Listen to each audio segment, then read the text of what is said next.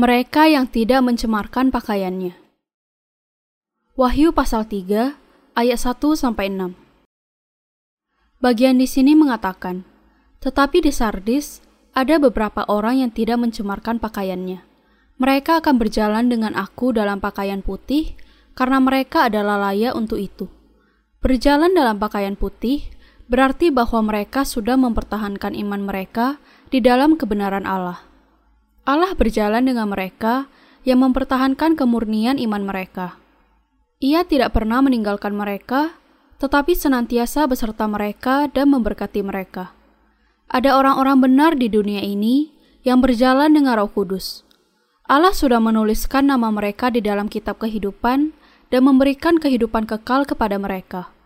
Dengan mengenakan pakaian putih kepada mereka dan senantiasa beserta dengan mereka, Allah menjanjikan mereka bisa senantiasa menang atas iblis dalam perjuangan mereka melawannya. Menjadi orang yang menang atas iblis. Untuk menjadi orang yang menang atas iblis, kita harus terlebih dahulu percaya kepada firman penebusan yang diberikan Tuhan kepada kita.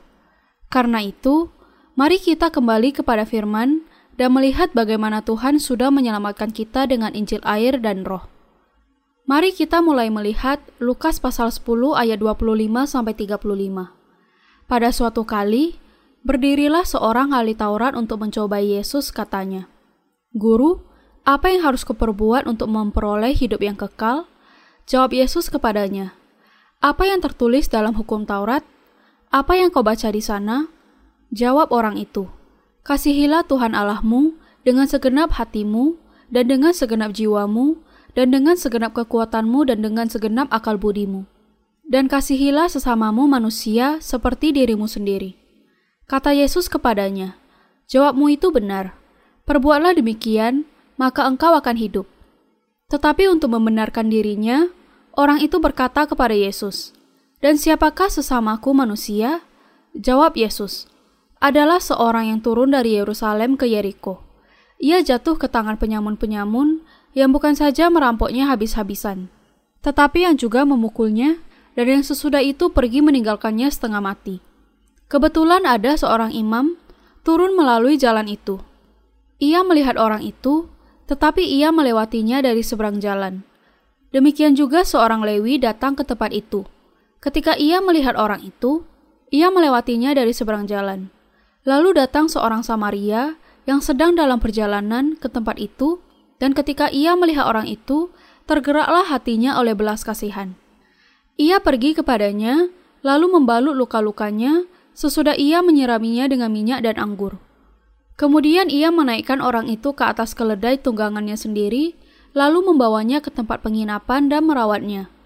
Keesokan harinya, ia menyerahkan dua dinar kepada pemilik penginapan itu, katanya, Rawatlah dia, dan jika kau belanjakan lebih dari ini, Aku akan menggantinya waktu aku kembali.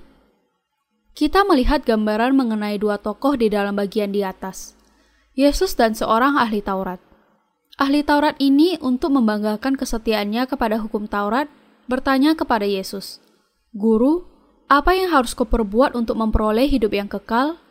Kesan apa yang Anda dapatkan dari pertanyaan itu? Ahli Taurat yang mengajukan pertanyaan ini salah berpikir bahwa ia bisa mentaati hukum Taurat dengan mengikutinya dengan cara literal. Tetapi Allah memberikan hukum Taurat kepada manusia supaya manusia bisa melihat dosa-dosa yang ada di dalam hatinya. Hukum Taurat berbicara dan membukakan dosa yang sangat mendasar di dalam hati manusia. Di dalam hati mereka ada pikiran jahat, pikiran mengenai perzinahan, pikiran membunuh, pikiran mencuri, pikiran membuat kesaksian palsu, pikiran kemarahan, dan yang lainnya. Untuk menunjukkan dosa di dalam hati ahli Taurat itu, Tuhan kita bertanya, "Apa yang tertulis dalam hukum Taurat? Apa yang kau baca di sana?"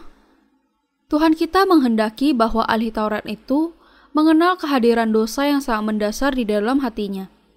Tetapi ketika dengan nada angkuh ia bertanya, "Apa yang harus kau perbuat untuk memperoleh hidup yang kekal?"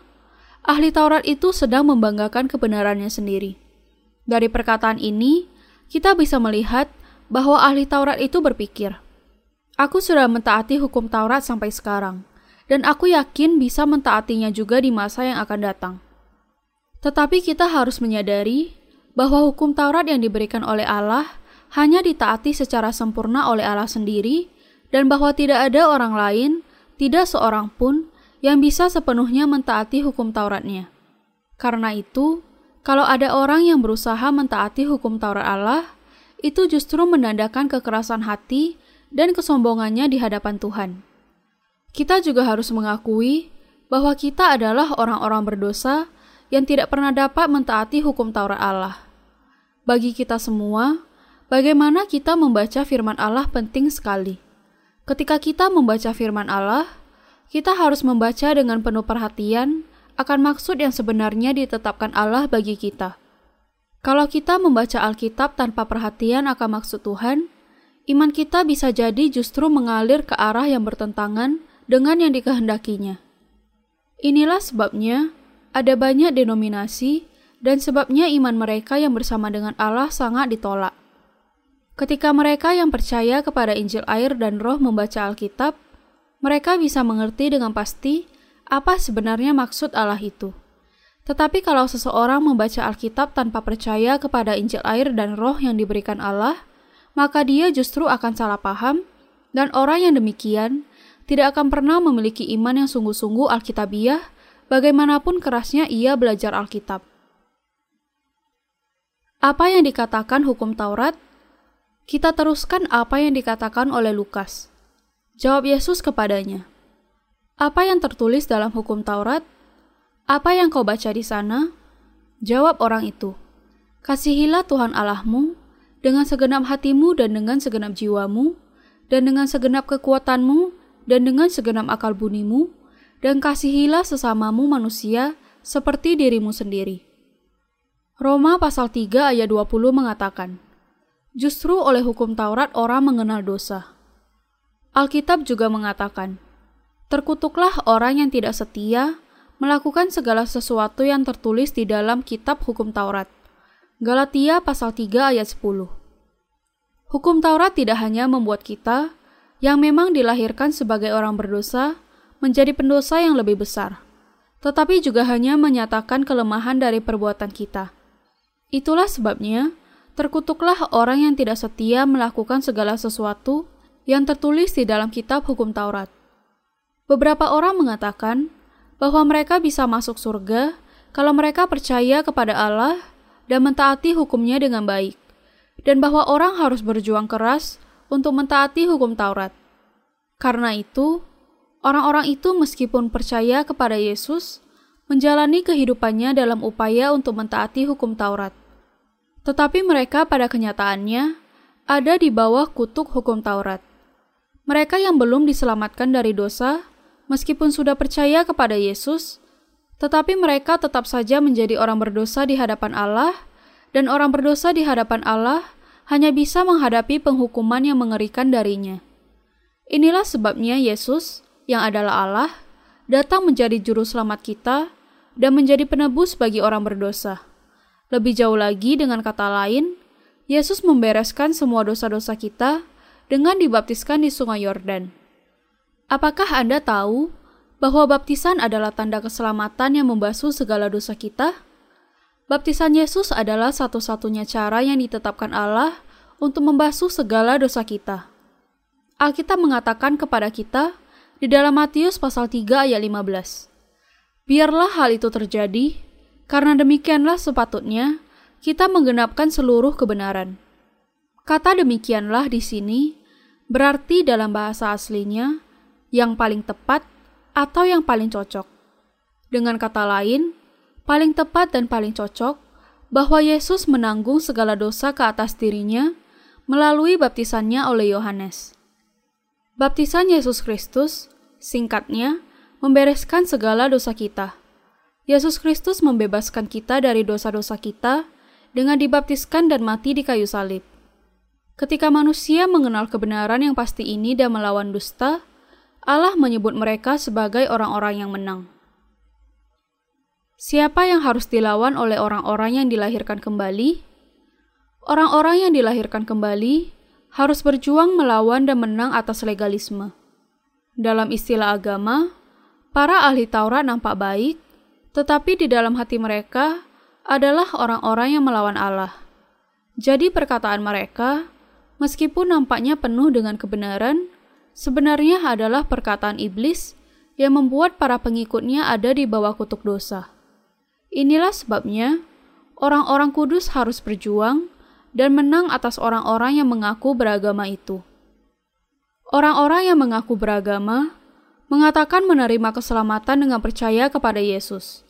Tetapi mereka juga mengatakan bahwa manusia bisa masuk ke dalam surga dengan menjalani kehidupan yang baik di hadapan hukum Taurat. Bisakah iman yang demikian disebut sebagai iman yang membawa seseorang untuk diselamatkan? Tentu saja tidak. Jadi, Tuhan menggunakan sebuah perumpamaan untuk menjelaskan kepada orang legalis dan kita mengenai hal ini. Perumpamaan itu adalah demikian. Ada seseorang yang pergi ke Yeriko dari Yerusalem dan diserang oleh penyamun yang meninggalkannya dalam keadaan setengah mati. Ada imam yang kebetulan lewat ke Yeriko dari Yerusalem dan melewati orang yang hampir mati itu. Tetapi imam itu tidak menolong, bahkan menyimpang ke sisi jalan yang lain. Lalu datanglah orang Lewi melewati korban itu. Tetapi ia juga berpura-pura tidak mendengar seruan permintaan tolong orang itu dan bahkan hanya lewat begitu saja. Lalu orang ketiga datang. Yang ini seorang Samaria. Berbeda dengan imam dan orang Lewi, orang Samaria ini langsung membalut luka orang itu, mengolesnya dengan minyak dan anggur, mengangkutnya dengan binatang miliknya, dan merawatnya. Ia bahkan memberi uang kepada penjaga penginapan sambil berkata, "Urus dia baik-baik. Saya akan kembali nanti. Kalau Anda mengeluarkan uang lebih dari yang saya berikan untuk mengobatinya, saya akan membayar dalam perjalanan pulang saya. Lakukan apa saja untuk menolong orang ini." Siapa di antara ketiga orang itu yang baik? Orang Samaria itu tentu saja. Orang Samaria ini melambangkan diri Yesus. Yang menyelamatkan orang berdosa seperti kita bukanlah hukum Taurat, bukan para pengajar, pemimpin, atau kekuatan diri sendiri, perjuangan atau doa pertobatan. Hanya Yesus yang datang ke dunia ini untuk membasuh segala dosa kita yang adalah juru selamat kita. Jadi Yesus, demikianlah di dalam Matius pasal 3 ayat 15, memerdekakan orang-orang berdosa. Baptisan Yesus dan darahnya di kayu salib adalah tanda dari keselamatan orang berdosa. 1 Petrus pasal 3 ayat 21. Semua orang berdosa di dunia ini diselamatkan oleh baptisan Yesus dan kayu salib. Mereka yang percaya kepada baptisan Yesus di Sungai Yordan dan darahnya di kayu salib sebagai keselamatan mereka adalah sepenuhnya dan selengkapnya diselamatkan dari dosa mereka. Yesus sudah memberikan kepada kita kekuatan untuk melawan dan menang atas doktrin palsu yang tidak benar.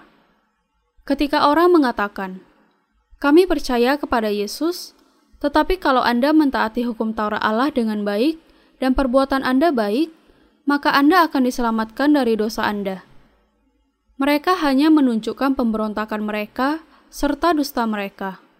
Kalau Anda menambah atau mengurangi sesuatu dari kebenaran keselamatan dari Yesus, maka hal itu bukan lagi kebenaran. Yesus memberikan kepada kita kekuatan untuk melawan dan menang atas doktrin-doktrin yang tidak benar seperti itu. Para pemimpin hukum Taurat zaman ini berbicara keras kepada orang lain, seolah-olah mereka mentaati hukum Taurat dengan benar. Tetapi kita sering kali menyaksikan bahwa mereka tidak bisa melakukan apa yang mereka katakan kalau menghadapi keadaan di mana saat ada kesulitan, mereka tetap harus mentaati tuntutan hukum Taurat. Mereka menyadari bahwa meskipun mereka ingin melakukan kebaikan, mereka tidak bisa melakukannya karena kelemahan daging mereka. Dengan menyembunyikan kelemahan mereka yang menyelimuti diri mereka dengan formalitas keagamaan, mereka menipu orang lain dan menindih orang lain dengan beban yang sama. Sebagaimana imam dan orang Lewi di dalam bagian di atas, Orang legalis zaman ini juga memakai standar ganda dengan melewati orang itu dari sisi jalan yang lain setiap kali mereka dituntut untuk berkorban. Inilah ketidakberdayaan manusia di hadapan hukum Taurat Allah.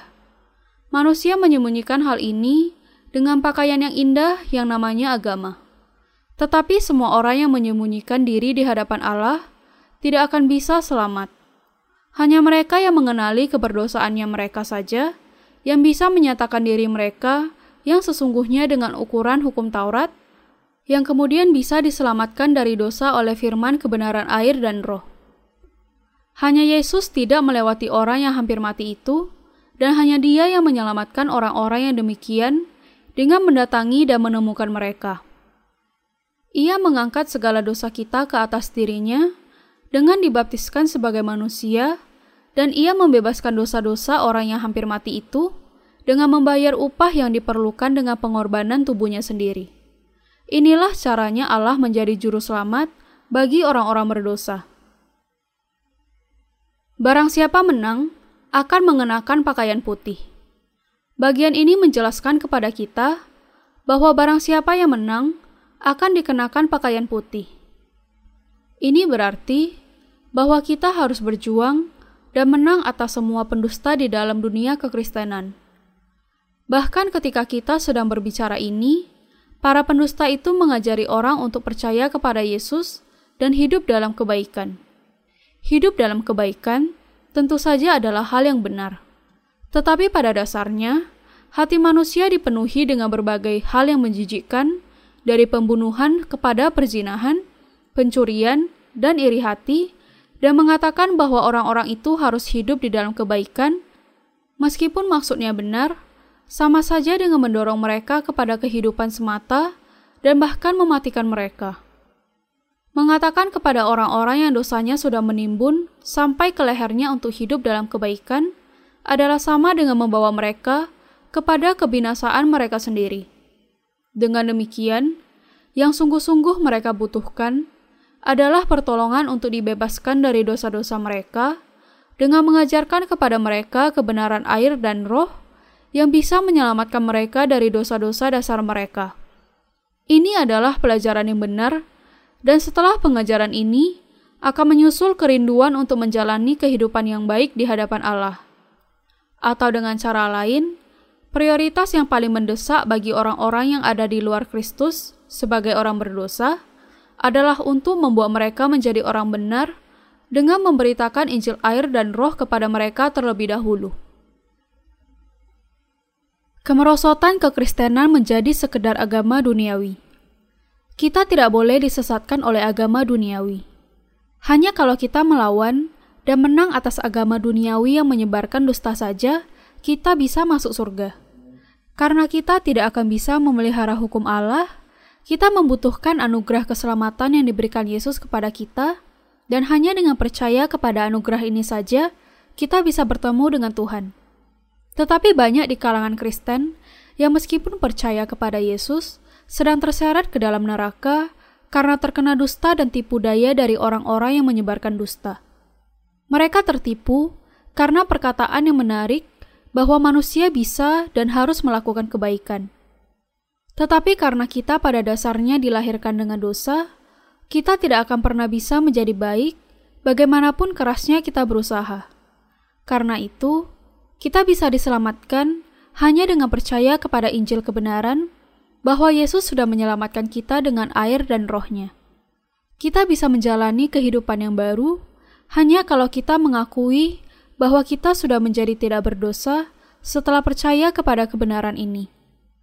Orang-orang Farisi pada zaman Alkitab dan orang-orang Kristen zaman sekarang yang belum dibasuh dari dosa-dosa mereka dengan tidak percaya kepada Injil air dan roh adalah sama semuanya sesat. Orang-orang Farisi percaya kepada Yesus, kebangkitan jiwa-jiwa, dan kehidupan setelah kematian seperti yang tercatat di dalam Alkitab. Tetapi mereka tidak percaya kepada Yesus sebagai Mesias mereka. Lebih lagi, mereka meremehkan dan mengabaikan baptisan Kristus dan darahnya di kayu salib. Di zaman ini, ada banyak orang Kristen yang seperti orang-orang Farisi itu. Mereka memiliki kecenderungan lebih percaya kepada doktrin kekristenan daripada kepada Alkitab sendiri. Inilah sebabnya, begitu banyak ajaran sesat muncul dengan tiada hentinya di zaman ini. Dalam Titus pasal 3 ayat 10 sampai 11, Allah mengatakan mengenai orang-orang sesat itu. Seorang bidat yang sudah satu dua kali kau nasihati, hendaklah engkau jauhi. Engkau tahu bahwa orang yang semacam itu benar-benar sesat dan dengan dosanya menghukum dirinya sendiri. Mereka yang termasuk kepada golongan sesat percaya, yakin, dan mengikuti pemimpin mereka lebih daripada Alkitab. Dan akibatnya, mereka semua dibinasakan. Sekarang ini juga, banyak nabi palsu muncul di dunia ini. Melalui firman dalam pembacaan tadi, Allah mengatakan kepada kita bahwa semua manusia harus melawan dan menang atas para nabi palsu itu. Ia juga mengatakan bahwa mereka yang menang akan dikenakan pakaian kebenaran. Dalam Lukas 18 ditemukan perumpamaan tentang orang Farisi dan pemungut cukai. Seorang Farisi datang ke bait Allah, mengangkat tangannya, dan berdoa dengan penuh kebanggaan. Allah, aku berpuasa dua kali seminggu dan aku memberikan sepersepuluhan dari semua yang aku peroleh. Pemungut cukai itu sebaliknya, bahkan tidak mampu mengangkat kepalanya ketika berdoa. Allah, aku tidak bisa melakukan apa yang orang itu lakukan. Aku adalah orang berdosa yang penuh kelemahan, yang tidak bisa berpuasa dua kali seminggu, dan yang tidak memberikan sepersepuluhan. Bukan hanya itu, aku juga mendustai orang banyak, mencuri dari mereka, dan melakukan berbagai hal jahat lainnya. Aku orang yang tidak berguna. Kasihanilah aku Allah, kasihanilah dan selamatkanlah aku.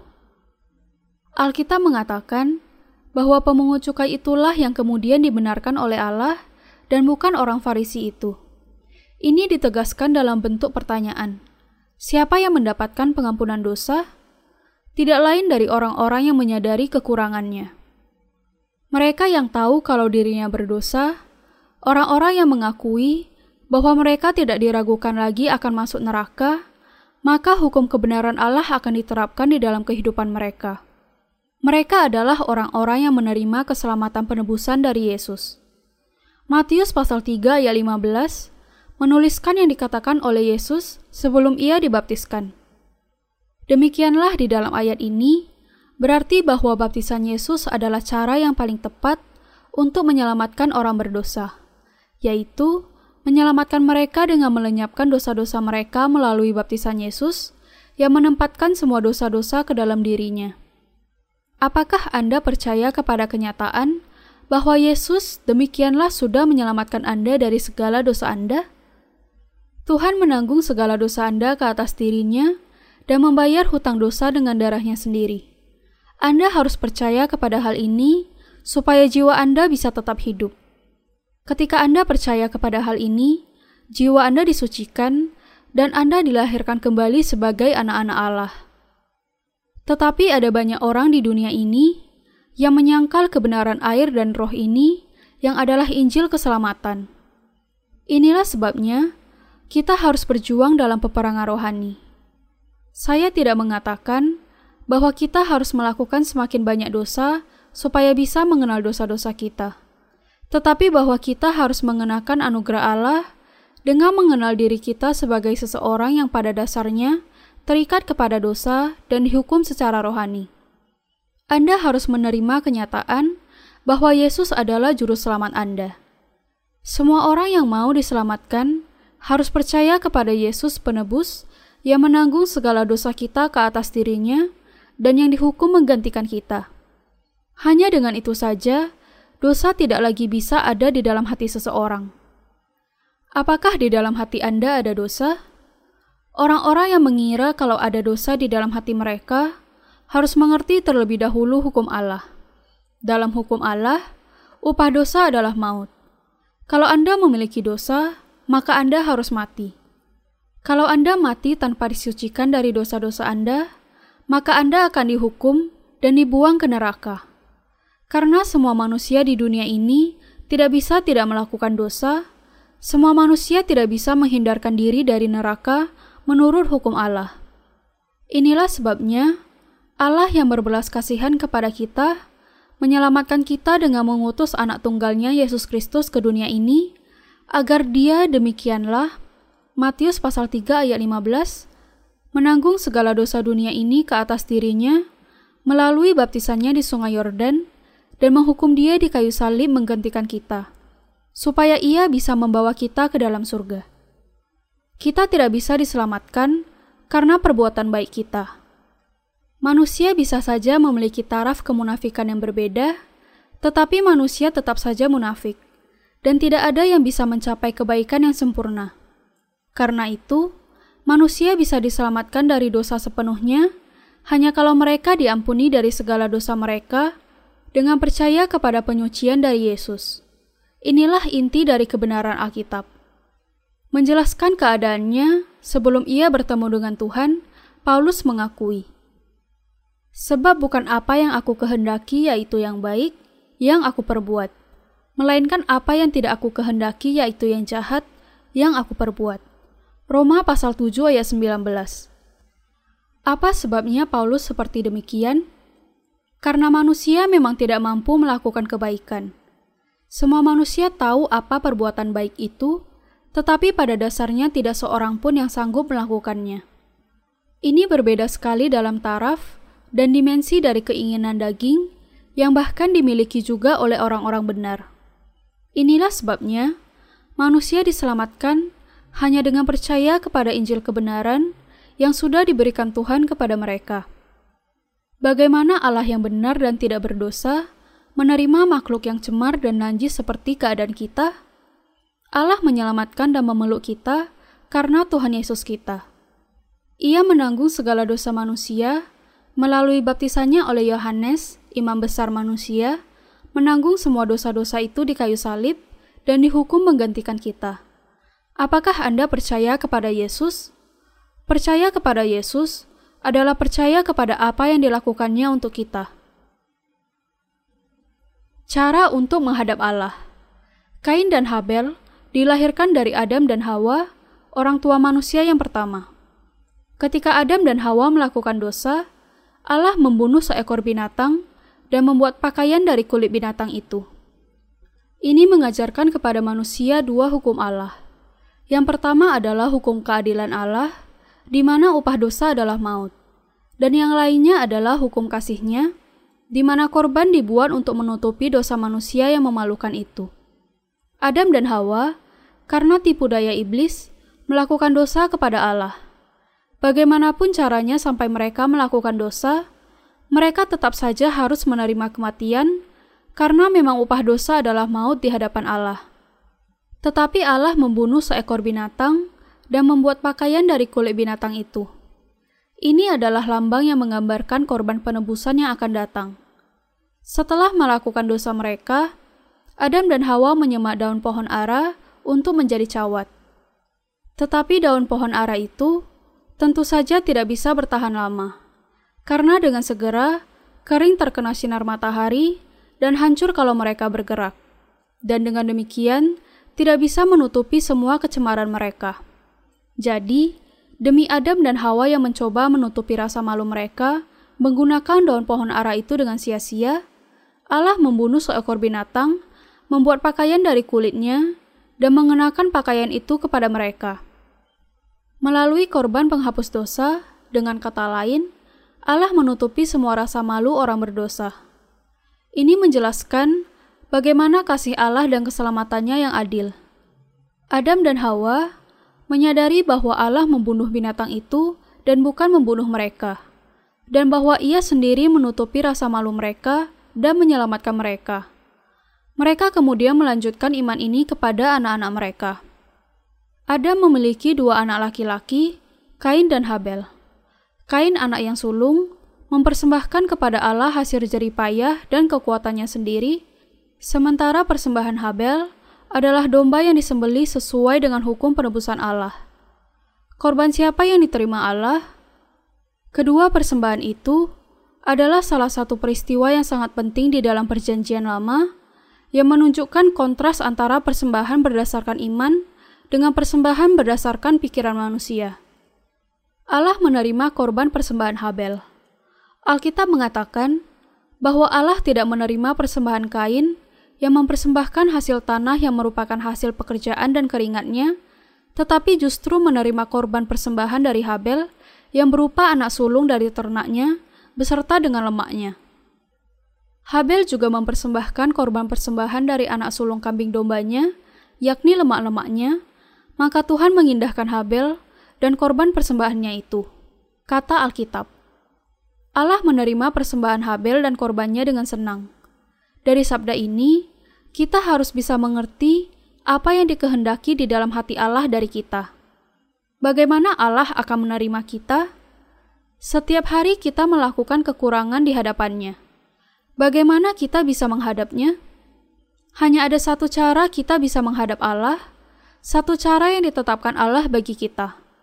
Ini tidak lain adalah melalui korban, bukan korban hasil usaha kita, tetapi korban berupa iman kita. Inilah yang diterima Allah. Apakah iman yang diwariskan oleh Adam dan Hawa kepada anak-anaknya? Iman ini adalah iman pakaian kulit. Dengan cara yang lain, ini adalah iman yang percaya kepada penyucian melalui korban persembahan. Di zaman ini, ini adalah iman kepada Injil air dan darah Yesus. Aku percaya bahwa segala dosa saya sudah dihapuskan melalui baptisan dan darah Yesus, dan bahwa Ia dihukum menggantikan aku. Aku mempersembahkan iman ini sebagai korbanku. Aku percaya bahwa Tuhan menanggung segala dosaku ketika Ia dibaptiskan. Aku percaya bahwa segala dosaku ditanggungkan kepada Yesus. Seperti yang dijanjikan Allah di dalam Perjanjian Lama, Yesus Kristus membuat aku tidak berdosa dengan menjadi domba korban dan mati untuk aku.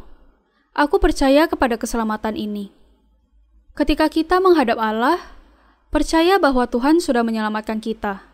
Allah menerima korban iman ini dan menyambut kita. Mengapa? Karena hanya oleh korban persembahannya saja dan bukan yang lain, kita menjadi tidak berdosa dan benar di hadapan Allah. Allah menerima kita karena kita memberikan kepadanya korban persembahan iman kita yang percaya bahwa Yesus adalah juru selamat kita. Ketika Allah menerima pengorbanan Yesus, dengan kata lain, ia juga menerima kita di dalam Kristus. Alasannya adalah karena semua penghukuman atas dosa-dosa kita sudah diletakkan kepada korban itu, kita menjadi tidak berdosa. Inilah keadilan Allah dan kebenarannya. Ini juga kasih Allah dan kesempurnaan keselamatannya. Kita juga mempersembahkan iman Habel. Alkitab mengatakan bahwa Allah menerima korban persembahan iman Habel dengan senang. Apa kemudian persembahan iman yang akan diterima Allah dari kita sekarang ini? Ketika kita percaya di dalam hati kita bahwa Yesus itu juru selamat kita dan bahwa Ia membereskan semua dosa-dosa kita dan dihukum menggantikan kita, dan ketika kita memberikan iman ini kepada Allah, Allah menerima kita dengan persembahan iman ini. Bagaimanapun kurangnya perbuatan kita, karena segala dosa kita sudah ditanggungkan kepada Yesus, dan karena Yesus sudah dihukum menggantikan kita, Allah Bapa melihat dosa-dosa ada di dalam anaknya, bukan di dalam kita. Allah kemudian menanggungkan semua dosa-dosa kita kepada anaknya, menghukumnya menggantikan kita, membangkitkannya dari kematian pada hari yang ketiga, dan menundukkan dia di sebelah kanannya. Allah sudah menyelamatkan semua yang percaya kepada hal ini. Ia sudah menerima korban iman kita. Tanpa Yesus Kristus, kita tidak akan pernah bisa menghadap Allah. Tetapi karena Yesus menjadi juru selamat kita yang pasti, kita bisa menghadap Allah dengan korban iman ini. Dan karena korban iman ini, Allah bisa menerima kita. Apakah iman kita ini kebenaran sepenuhnya? Tentu saja demikian. Kita sekarang sudah menjadi sungguh-sungguh tidak berdosa. Karena dosa-dosa kita sudah ditanggungkan kepada Yesus, Allah mengenakan kepada kita yang sudah menjadi tidak berdosa pakaian putih. Ia menjadikan kita benar. Seperti yang dijanjikan Allah, barang siapa menang, ia akan dikenakan pakaian putih yang demikian. Aku tidak akan menghapus namanya dari kitab kehidupan ia akan mengaku nama kita di hadapan malaikat-malaikatnya. Di jemaat Allah di Sardis, ada beberapa orang yang berjalan dengan Tuhan dalam pakaian putih itu. Mereka tidak lain adalah hamba Allah, anak-anaknya, dan orang-orang kudusnya. Allah menerima korban dari Habel, dan ia juga menerima Habel. Tetapi Allah tidak menerima korban yang tidak sepenuhnya. Mengapa Allah tidak menerima Kain dan korban persembahannya? Ia tidak menerima Kain karena korban persembahan Kain bukanlah persembahan hidup, yang dipersiapkan dengan korban penyucian. Alkitab mengatakan bahwa Kain mempersembahkan hasil tanahnya, hasil dari jeripayanya sendiri, sebagai korbannya. Secara sederhana, ia mempersembahkan panenannya. Mungkin saja itu berupa semangka, jagung, kentang, atau apa saja, dan pasti semuanya dibersihkan dan dipersiapkan dengan baik. Tetapi Allah tidak menerima korban yang seperti ini. Korban persembahan Kain memiliki makna yang penting yang harus dimengerti oleh orang Kristen zaman ini supaya bisa diselamatkan. Tetapi hanya sedikit yang sungguh-sungguh tahu hati Allah di dunia sekarang ini, meskipun hanya di dalam impian saja, bahwa mereka sebenarnya sedang mempersembahkan korban persembahan seperti Kain. Ketika seseorang menghadap Allah, ia pertama-tama harus mengakui bahwa dirinya terikat oleh kematian dan neraka karena dosa-dosanya. Apakah Anda mengakui hal ini di hadapan Allah, bahwa Anda orang yang dikutuk dan terikat ke neraka karena dosa-dosa Anda? Kalau Anda tidak mengakui hal ini, maka tidak ada gunanya meskipun Anda percaya kepada Yesus. Karena Yesus adalah juru selamat orang-orang berdosa. Tuhan mengatakan kepada kita, orang yang sehat tidak membutuhkan tabib, tetapi orang yang sakit. Tuhan kita dibutuhkan oleh orang-orang yang menderita di bawah kutuk dosa, bukan oleh mereka yang tidak menyadari dosa-dosanya, yang mengatakan bahwa mereka tidak berdosa, sementara mereka sebenarnya belum dilahirkan kembali. Semua manusia pada dasarnya adalah berdosa. Allah karena itu harus menghukum manusia, dan manusia memang terikat untuk menghadapi murka penghukuman Allah ini. Anda dan saya, dengan kata lain, ditentukan untuk dibinasakan. Tetapi untuk menghindarkan kita dari neraka kebinasaan ini, Tuhan menanggung segala dosa kita melalui baptisannya di sungai Yordan dan menerima murka Allah menggantikan kita. Karena ini, Tuhan bisa sepenuhnya menyelamatkan kita di hadapan Allah. Dengan demikian, hanya mereka yang sungguh-sungguh mengakui bahwa dirinya melakukan dosa di hadapan Allah dan mengakui dirinya sebagai orang berdosa yang perlu percaya kepada Allah, dan hanya untuk mereka Allah menjadi juru selamat. Iman yang membuat kita mengenakan pakaian putih keselamatan. Seperti yang dikatakan Alkitab, karena kehidupan makhluk ada di dalam darahnya. Kehidupan seseorang juga ada di dalam darahnya. Karena dosa-dosa kita, kita seharusnya mati. Apa sebabnya? Kemudian Yesus mati di kayu salib ia mati di kayu salib karena ia menanggung segala dosa kita ke atas dirinya dan karena upah dosa adalah maut. Yesus mencurahkan darahnya untuk membayar upah itu dan mati menggantikan kita.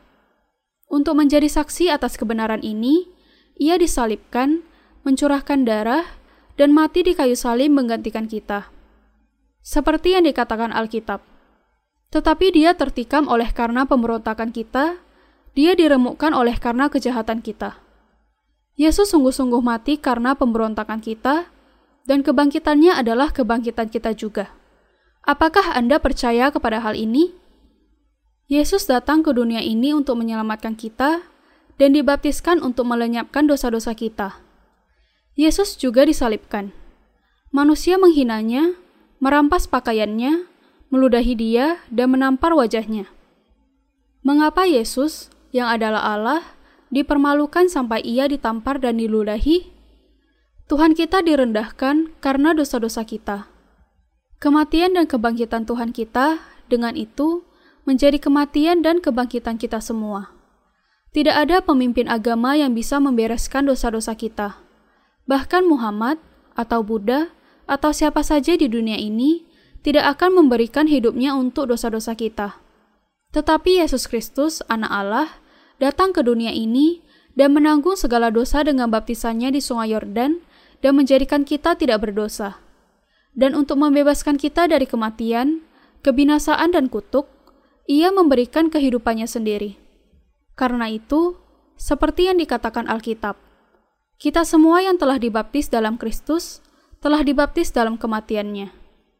Iman kita harus mengenakan pakaian kebenaran dengan percaya kepada baptisan yang diterima Yesus untuk menanggung segala dosa kita.